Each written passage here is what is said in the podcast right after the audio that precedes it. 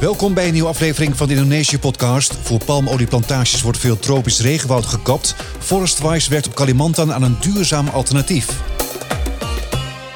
En te gast is eh, Dirk-Jan Oudshoorn. Hij is een van de oprichters van Forestwise. Dag Dirk-Jan. Dag Edwin. Laten we eerst toch eens even beginnen met eh, de coronasituatie in Indonesië. Die hebben we vorige keer in deze podcast uitgebreid besproken. Maar ja, het wordt steeds nijpender. Veel ziekenhuizen zijn vol of uh, bijna vol. Aantal besmettingen neemt uh, flink toe. Jij woont in Sintang, West-Kalimantan. Hoe is de situatie daar? Ja, ik denk heel erg anders vergeleken met, dan met Jakarta. Daar inderdaad, ja, daar, zijn, daar komt het grootste deel van de cijfers eigenlijk vandaan. Uh, hier in Sintang lokaal liggen wel ook de ziekenhuizen vol, begrijpen we. Um, maar het is niet heel erg bekend hoeveel, hier, uh, hoeveel gevallen hier zijn en hoeveel er wordt getest. In ieder geval in het straatbeeld, zeg maar, je ziet uh, ja, bijna iedereen wel met een mondkapje op. Maar als je eenmaal naar een, een koffietentje gaat, dan heeft eigenlijk iedereen die mondkapjes weer af. Um, dus het, het, is een beetje alsof het er niet is. Eigenlijk is ook alles open. Er is ook geen avondklok, zoals in wel in een paar andere steden hier in Kalimantan het geval is. Um, of in ieder geval dat er geen, geen uh, vervoer dan uh, meer mag zijn s'avonds. Maar hier merk je behalve de mondkapjes op straat eigenlijk vrij weinig ervan. Ja, en er zou ook een, plannen zijn voor een nieuwe lockdown. Er wordt nog over gesproken als we deze podcast opnemen. De plannen zijn nog niet precies bekend. Je verwacht dus niet dat die bij jou ook zullen plaatsvinden? Nee, ik denk niet in Sintang zelf. Uh, misschien wel bijvoorbeeld in Pontianak, in de hoofdstad van de provincie. Dat is uh, gewoon een, een, stad van meer dan een miljoen mensen. Maar hier zitten wij met ongeveer 70.000 mensen in een stad die ja, heel erg uitgespreid is. Het, lijkt echt in de verste verte niet op Jakarta bijvoorbeeld. Dus de, het is helemaal niet dicht bevolkt. En mensen leven ook heel veel buiten. Dus ik denk niet dat het hier snel zal gebeuren. Nee. Wat voor gevolgen heeft de coronacrisis gehad voor jouw bedrijf? Of valt het in principe wel mee? Nee, vorig jaar heeft het zeker veel gevolgen gehad. Omdat bijvoorbeeld een, een, grote klant van ons, Lush, die heeft eh, een groot deel van het jaar wereldwijd uh, alle winkels dicht gehad. En is zich helemaal gaan focussen op online sales. Maar in totaal is de, is de sales wel flink gezakt. Dus dat hebben wij zeker gemerkt. En ook bijvoorbeeld met, uh, nou ja, nu, nu dan vooral eigenlijk met het transport van de containers, dat de prijzen de pan uitreizen is ook allemaal weer terug te leiden naar de coronacrisis. Dat, dat is voor uh, een klein bedrijf, is dat wel, uh, nou ja, ook voor grote bedrijven denk ik, is dat wel echt een grote uitdaging. Ja, het is dus moeilijker zeg maar, om je spullen te exporteren, om, om het land uit te krijgen. Ja, zeker. Het is veel duurder geworden. Dus dat, ja, dat moet dan op een gegeven moment. Het, iemand moet het betalen. Dus dat is een, de, dan de discussie. Um, ja, en, en vorig jaar gewoon in het algemeen is het ja, is het een heel slecht jaar geweest ten opzichte van het jaar ervoor. Maar gelukkig is dit jaar wel uh, weer uh, in stijgende lijn te zien. Dus, uh, dus dat is, is, wel positief. Ja, oké. Okay. Heb je nog andere maatregelen moeten nemen vanwege de coronacrisis? Ja, we, we werken dus veel in de dorpen waar we de uh, elipinoten oogsten. En we wilden niet, omdat al ons personeel zeg maar, in de stad woont en naar die dorpen gaat om de elipinoten te oogsten, wilden we niet dat zij het mee zouden nemen naar de mensen toe. Dus die hebben anders uh, gewerkt. Normaal komen ze elke week terug. En nu, eigenlijk sinds vorig jaar toevallig was in veel van die dorpen um, internetverbinding beschikbaar. Dus op die manier konden we toch contact houden met de mensen in het veld. Allemaal via videobellen. En nou, dat was echt uh, eigenlijk uh, daarvoor, een, paar maanden daarvoor, totaal niet denkbaar. Maar het was toevallig net allemaal opgetuigd. En zo hebben we dus uh, de hele oogst goed, kunnen, ja, goed, goed kunnen afronden. En eigenlijk niks ehm, niks daarop hoeven in te leveren. Nee, nee. Maak je je trouwens zorgen over hoe de coronacrisis verder in Indonesië verloopt? Ja, zeker hoe het eh, verloopt in, eh, in Java en in Bali. Gewoon de meer dichtbevolkte eilanden. Want uh, ja, er zijn heel veel mensen daar die, die geen zorgverzekering hebben... die überhaupt niet naar een ziekenhuis uh, zullen kunnen gaan. Uh, dus dat is denk ik een heel somber vooruitzicht als het zo doorgaat. Ja, want, want, want men is eigenlijk een beetje bang voor een soort India-situatie, hè? Ja, ja, inderdaad. En uh, ja, hopelijk niet ook weer een nieuwe variant dan die daaruit volgt. Maar het, het ziet er echt, echt, niet goed uit, uh, inderdaad. In 2018 heb je Forestwise opgericht. Ja, jullie maken producten om het regenwoud te beschermen en de lokale bevolking aan het werk te helpen. Maar het begon allemaal veel eerder. Hè? In 2013 ben je naar Indonesië verhuisd voor vrijwilligerswerk. Wat deed je daar toen? Uh, toen werkte ik voor een stichting, een lokale stichting in Indonesië om projecten te managen en te zorgen dat de communicatie met sponsors vanuit Nederland beter ging lopen. Ehm, en heb ik ook een Wildlife Rescue Center gemanaged, een jaar lang.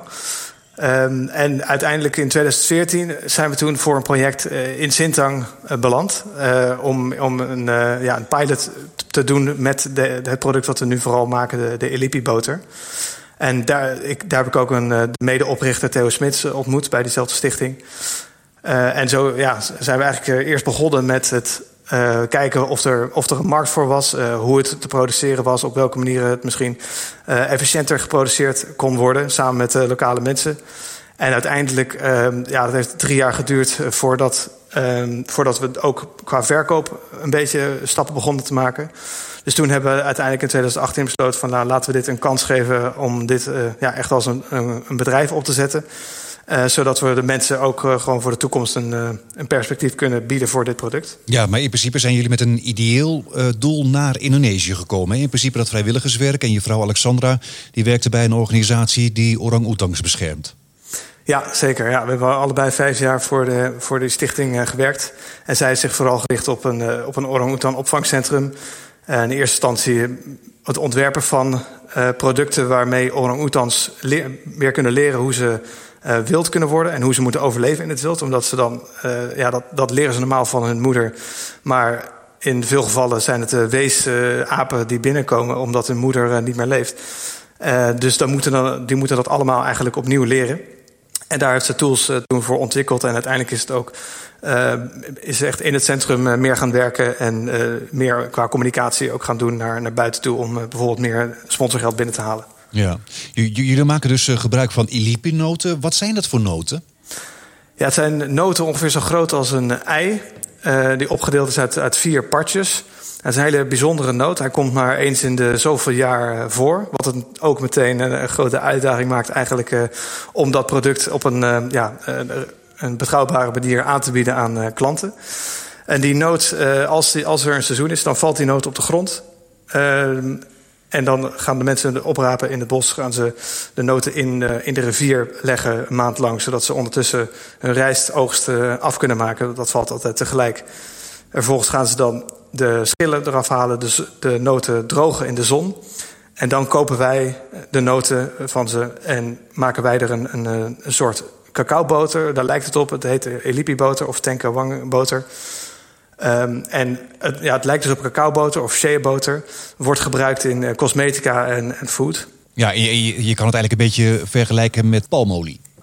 Uh, ja, je kunt het ook vergelijken met palmolie. Al is palmolie wel um, uh, zachter. Dus dat is, dat is vloeibaar bij kamertemperatuur. hier in Indonesië. En de Elipi-boter is echt keihard bij kamertemperatuur. Het smelt pas bij 35 graden. Ja, en, en, en eh, de olie die eruit komt, die cacaoboter, die kan je dus inderdaad eh, gebruiken voor eh, shampoos, voor eten, voor eigenlijk dezelfde toepassingen als waar nu vaak palmolie voor gebruikt wordt. Ja, in principe kun je dat voor dezelfde toepassingen gebruiken. Maar omdat het uh, iets andere eigenschappen heeft, zul je het in iets andere verhoudingen moeten doen. En bijvoorbeeld mengen met, uh, met andere oliën om uh, hetzelfde resultaat te krijgen, bijvoorbeeld. Ja, werden die ilipinoten eerder nooit gebruikt?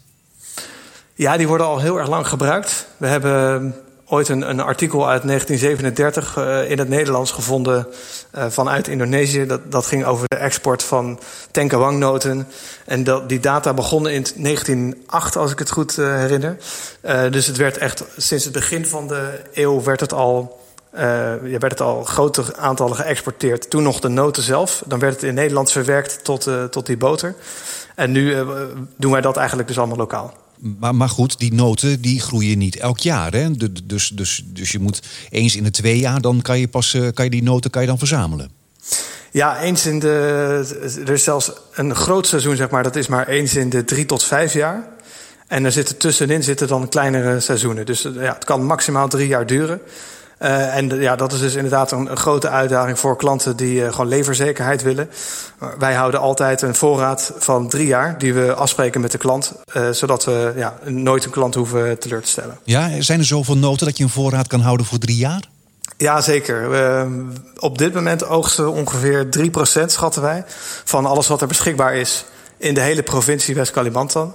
er zijn ook nog noten beschikbaar in andere provincies, maar West-Kalimantan is wel echt de hoofd de hoofdstad zeg maar, voor, voor deze tenkenbanknoten. Uh, maar we kunnen dus e-, eventueel nog uh, veel verder opschalen van wat er alleen al in het bos te vinden is.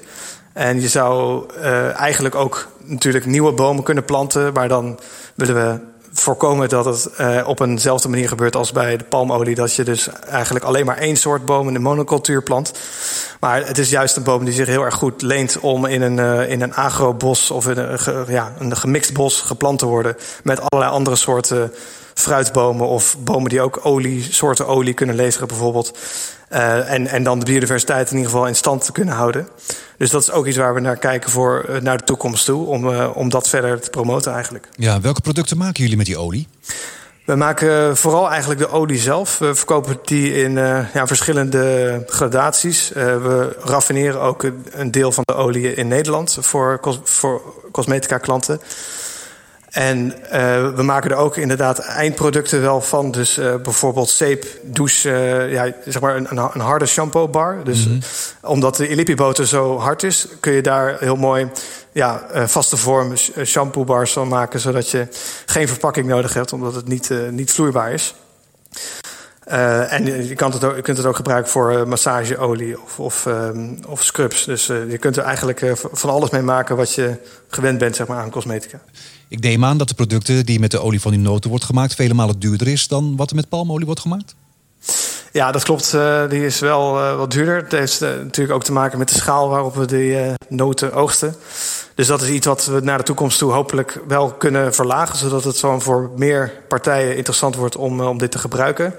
Je ziet ook dat om die reden um, cosmetica bedrijven die de Elipi boter gebruiken, die gebruiken dat meestal niet hele hoge percentages, waarschijnlijk ook door de prijs. Maar ja, als we verder op kunnen schalen, we zijn echt op zoek naar partners van hoe kunnen we dit uh, verder opschalen en zorgen dat niet alleen alle noten worden gekocht van alle mensen, uh, maar daarmee dus eigenlijk ook de, de waarde van het bos, uh, van al het bos waar, waar die bomen nog staan, verder stijgt, zodat het bos beschermd kan worden door de mensen die daar in de buurt wonen. Ja, je kunt het dus eigenlijk zien als een soort van alternatief voor palmolie. Um, zou je uiteindelijk ook met die olie van deze noten palmolie helemaal kunnen vervangen? Nee, ik denk dat je nooit het helemaal kunt vervangen. Palmolie is, uh, ja, de, dat is natuurlijk een enorm, uh, enorm grote productie vanuit Indonesië. Uh, dat zou niet kunnen met, met alleen maar de Elipi-boter. Dan moet je wel heel erg veel bomen gaan planten. Maar het is, ik denk ook dat het voor palmolie is er ook niet een oplossing dat, dat je dat kan vervangen met één soort olie. Het, het moet komen van verschillende soorten olie, denk ik, um, die, die met elkaar in één hectare bos als het ware zeg maar, kunnen groeien. En dan denken wij dat, dat je zelfs van een hectare bos van die verschillende bomen nog steeds een vergelijkbare opbrengst kan halen eigenlijk uit een hectare. Uh, dan uh, ja, vergeleken met, met een monocultuurplantage. Maar daar, daar, daar hoor je eigenlijk nooit iets over. In de, ja, er, er wordt heel veel geschreven over palmolie en dat het, dat het eigenlijk op een andere manier moet. En er wordt ook heel vaak gezegd van uh, als je het vervangt met een andere olie, zoals bijvoorbeeld kokosolie, dan heb je veel meer oppervlakte nodig. Maar wij, wij horen eigenlijk nooit dat, uh, dat er wordt alternatieven waarbij je dus verschillende soorten in één hectare zet. Dan denken wij dat je, dat je nog steeds uh, in de buurt kan komen, terwijl je nog steeds de biodiversiteit kunt behouden. Ja. Jullie zijn eigenlijk met een ideeel beeld naar Indonesië gekomen. Toch in 2018 een bedrijf opgericht. Hè? Geen stichting. Dus het is ook wel de bedoeling dat jullie er geld mee gaan verdienen. Ja, dat klopt. Uh, dat is eigenlijk omdat we zo willen werken ook voor de, voor de lokale mensen. We moeten het, het moet gewoon een duurzaam uh, model zijn. Vanuit de stichting zie je, uh, zie je wel dat het. Je kunt het project beginnen zoals wij zijn begonnen, zeg maar. En op het moment dat het begint te lopen, dan ja, wil je eigenlijk verder, wil eigenlijk investeren. Maar nieuwe projecten staan ook voor de deur en er moet ook geld voor opgehaald worden. Dus het is heel moeilijk om je dan te focussen op het echt opzetten van de business. dus daarom hebben we ervoor besloten om uh, ja, om, om, een bedrijf ervan uh, te maken of om een bedrijf op te zetten. Om puur te richten op, op deze producten en andere producten die we uit het regenwoud kunnen halen. Uh, zodat we die mensen een echt alternatief kunnen geven. Want in principe, zij, zij kijken naar het bos in hun achtertuin. ze krijgen daar schoon drinkwater van, voedsel, medicijnen. Het, het, het, geeft een verkoeling, een schaduw. Um, maar het, het levert ze niks op aan, aan geld. Dus wat, zij zien het niet per se als, als iets, ja, wel als iets waardevols, maar niet als iets wat, ze, waarmee ze de school van hun kinderen kunnen betalen of, mm. of de transport voor de motor. Um, en de, als ze dan naar palmolie kijken, dan, dan, zien ze van ja, dat is in ieder geval per maand een, een vast inkomen waar ik dat wel kan van betalen. Dus dat proberen we eigenlijk uh, te werkstelligen dat we dat bos geld kunnen laten genereren voor de mensen die daarnaast wonen. Ja, dus het is niet alleen maar commercieel, het is ook zeker nog zeker ideeel. Ja, uiteindelijk wel inderdaad. Ja. Ja, met Forestwise proberen jullie dus inderdaad andere producten op de markt eh, te brengen om daarmee ook het regenwoud te redden. Maar hoe red je het regenwoud met die producten? Ja, we maken afspraken met de mensen die in de buurt van die bossen of in die bos, bossen wonen. Uh, dat wij, zolang wij die noten kopen, dat, wij, dat zij het bos zullen beschermen. En dat werkt eigenlijk twee kanten op, want dan, dan hebben wij ook de zekerheid dat die bomen er nog zullen staan en niet gekapt worden voor het hout. De Elipi-boom zelf is ook een hele goede houtsoort.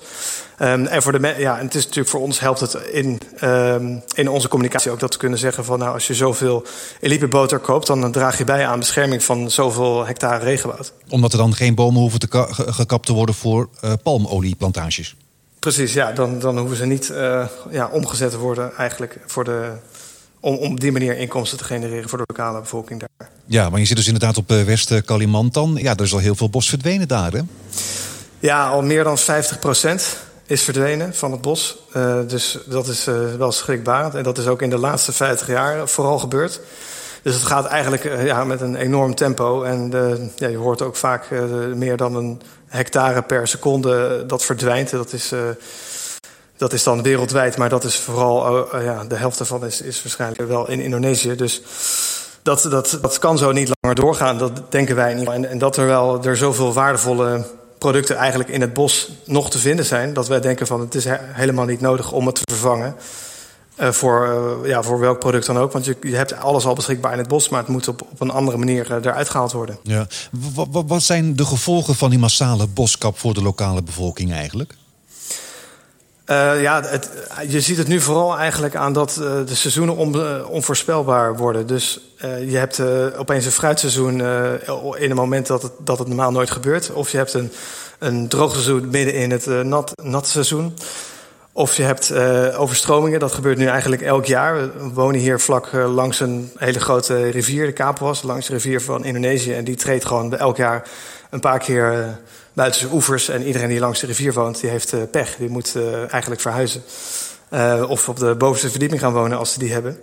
Maar dat, dat is wel echt iets wat de mensen lokaal ook merken dat het heel erg verandert. En ze, ze relateren dat zelf ook wel aan de ontbossing. Ja, dat, dat, dat, dat wijten ze daar zelf ook aan, inderdaad. Ik bedoel, oorzaak en gevolg wordt wel gezien. Ja, zeker. Ja, dat, ze, ze weten. aan het begin, toen we hier begonnen, toen we hier net woonden, toen lieten we wel eens een plaatje zien van de ontbossing en hoe ver dat al gekomen is. En dan waren er heel veel mensen die dat, uh, ja, dat wel echt voor het eerst zagen. En ook schrokken van, oh, is het al, is het al zo erg? Um, maar nu merk je wel dat het besef er wel is. En dat iedereen weet van ja, het, is, uh, het bos, er is zoveel bos verdwenen dat je dus die, uh, ja, die capaciteit niet meer hebt. En zij weten eigenlijk als geen ander dat het bos juist inderdaad zo'n buffer is om het water vast te houden, bijvoorbeeld. En um, dat merk je gewoon heel goed aan de mensen. Ja. Palmolie is een belangrijke industrie voor de Indonesische economie. Indonesië levert de helft van wat er wereldwijd wordt gebruikt. Is Indonesië eigenlijk blij met jullie? Ik denk het wel. Uh, wij, zijn hier in Sintar eigenlijk het enige bedrijf wat, uh, nou, wat op een redelijke schaal iets, iets anders doet dan bijvoorbeeld palmolie of, of rubberproductie. en de lokale Bupati, het districtshoofd, is, ja, is heel erg uh, onder de indruk eigenlijk. En die, die laat altijd uh, mensen langskomen die vanuit Jakarta komen van de overheid. Uh, om te laten zien van kijk, dit is een, dit is een manier hoe het ook kan. Hier in Sintang hebben we tenkenwangnoten. En nou ja, we maken ook nog een aantal andere producten. Dus dat, dat laten ze heel graag zien. En ik denk dat ze ook echt op zoek zijn wel naar manieren hoe het anders kan. Dat ze zelf ook inzien van ja, we kunnen niet altijd nog maar door blijven gaan met die, die plantages groter te maken. Um, dus ja, voor hier lokaal hebben wij er, uh, krijgen we juist eigenlijk veel meewerking. Ja, want uh, palmolie wordt ook gebruikt als biobrandstof. Maar vanaf 2030 mag dat niet meer in de Europese Unie. Ja, Indonesië en de Europese Unie liggen er ook met elkaar over in de klins. Dat lijkt er toch een beetje op dat Indonesië ook een beetje probeert vast te houden aan die palmolie-industrie. Als belangrijke industrie. Ja, nee, zeker. Ze, ze zijn ook veel bezig om zelf dan biodiesel ervan te maken. Zodat ze het in ieder geval voor hun eigen gebruik uh, nog, nog kunnen ja, stimuleren. Um, maar ja, dus ik denk wel dat, dat, dat, zij dus heel welkom zijn tegenover, uh, tegenover alternatieven. Het moet alleen wel um, ja, substantieel zijn, zeg maar. Omdat natuurlijk aan, met die palmolieindustrie kun je aan heel veel mensen werk bieden. Dus er is voor ons wat dat betreft heel veel werk te doen. Maar we denken wel van je moet ergens beginnen. En, uh, en het kan in ieder geval niet eh, voor altijd zo doorgaan zoals het nu gaat. Nee, want wat gaat er volgens jou mis met die palmolieindustrie? Ja, ik denk uh, vooral de manier waarop het wordt geplant. Ik bedoel, de, de boom zelf is een, een, onschuldige boom die vanuit Afrika hier naartoe gebracht is.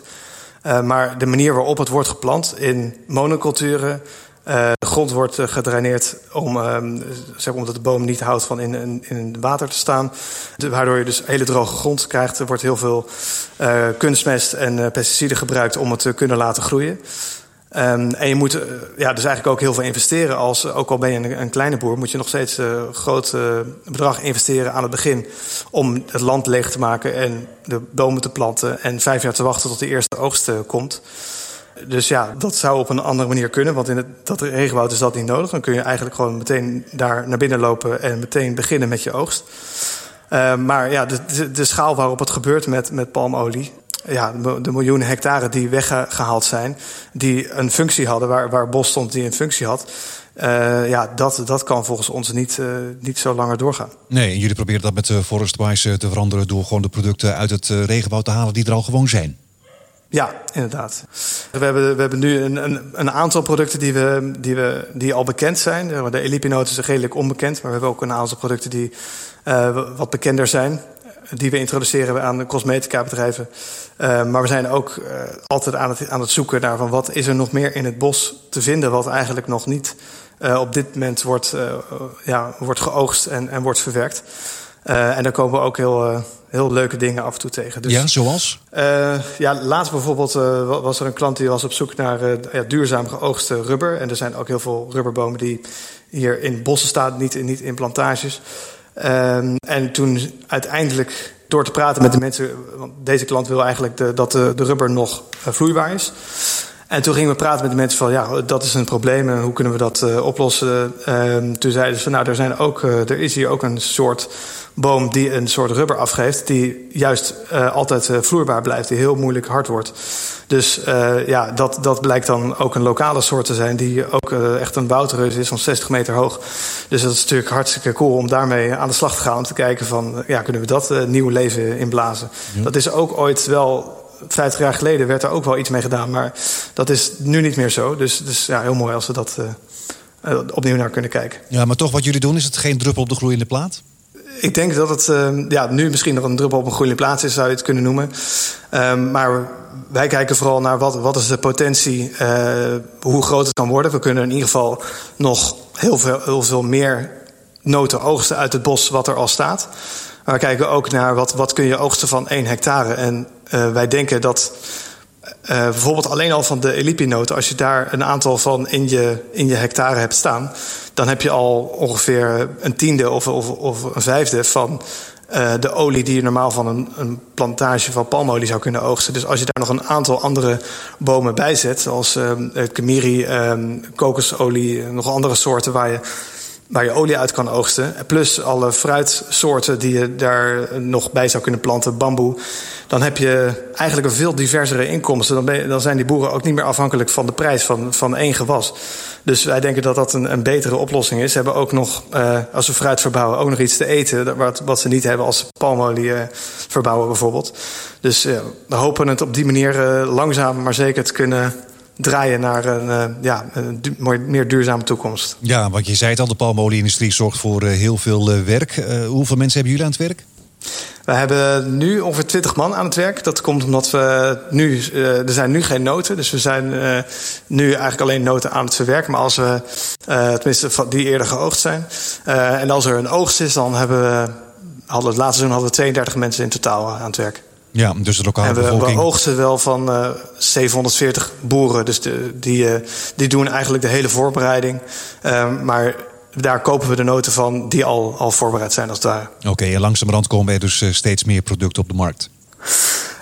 ja, er komen binnenkort in ieder geval een aantal nieuwe grondstoffen op de markt. Die cosmetica en, en voedselbedrijven kunnen gebruiken om te verwerken. Uh, we zijn ook uh, inmiddels bezig met een eigen cosmetica-lijn. In Nederland is die net gelanceerd met een uh, crowdfunding. Die heet Fat Forest. En daarmee hebben we nu twee producten eigenlijk via de crowdfunding op de markt gebracht... die net na de zomer zullen aankomen. Dus dat is ook een heel leuk project om aan te werken. En die zijn gewoon in Nederland verkrijgbaar dan ook? Ja, die zijn dan in Nederland verkrijgbaar vanaf september. En we zijn uh, dus ook aan het kijken van welke winkels willen onze producten dan verkopen. Vanaf ja, september, oktober zouden die beschikbaar kunnen zijn.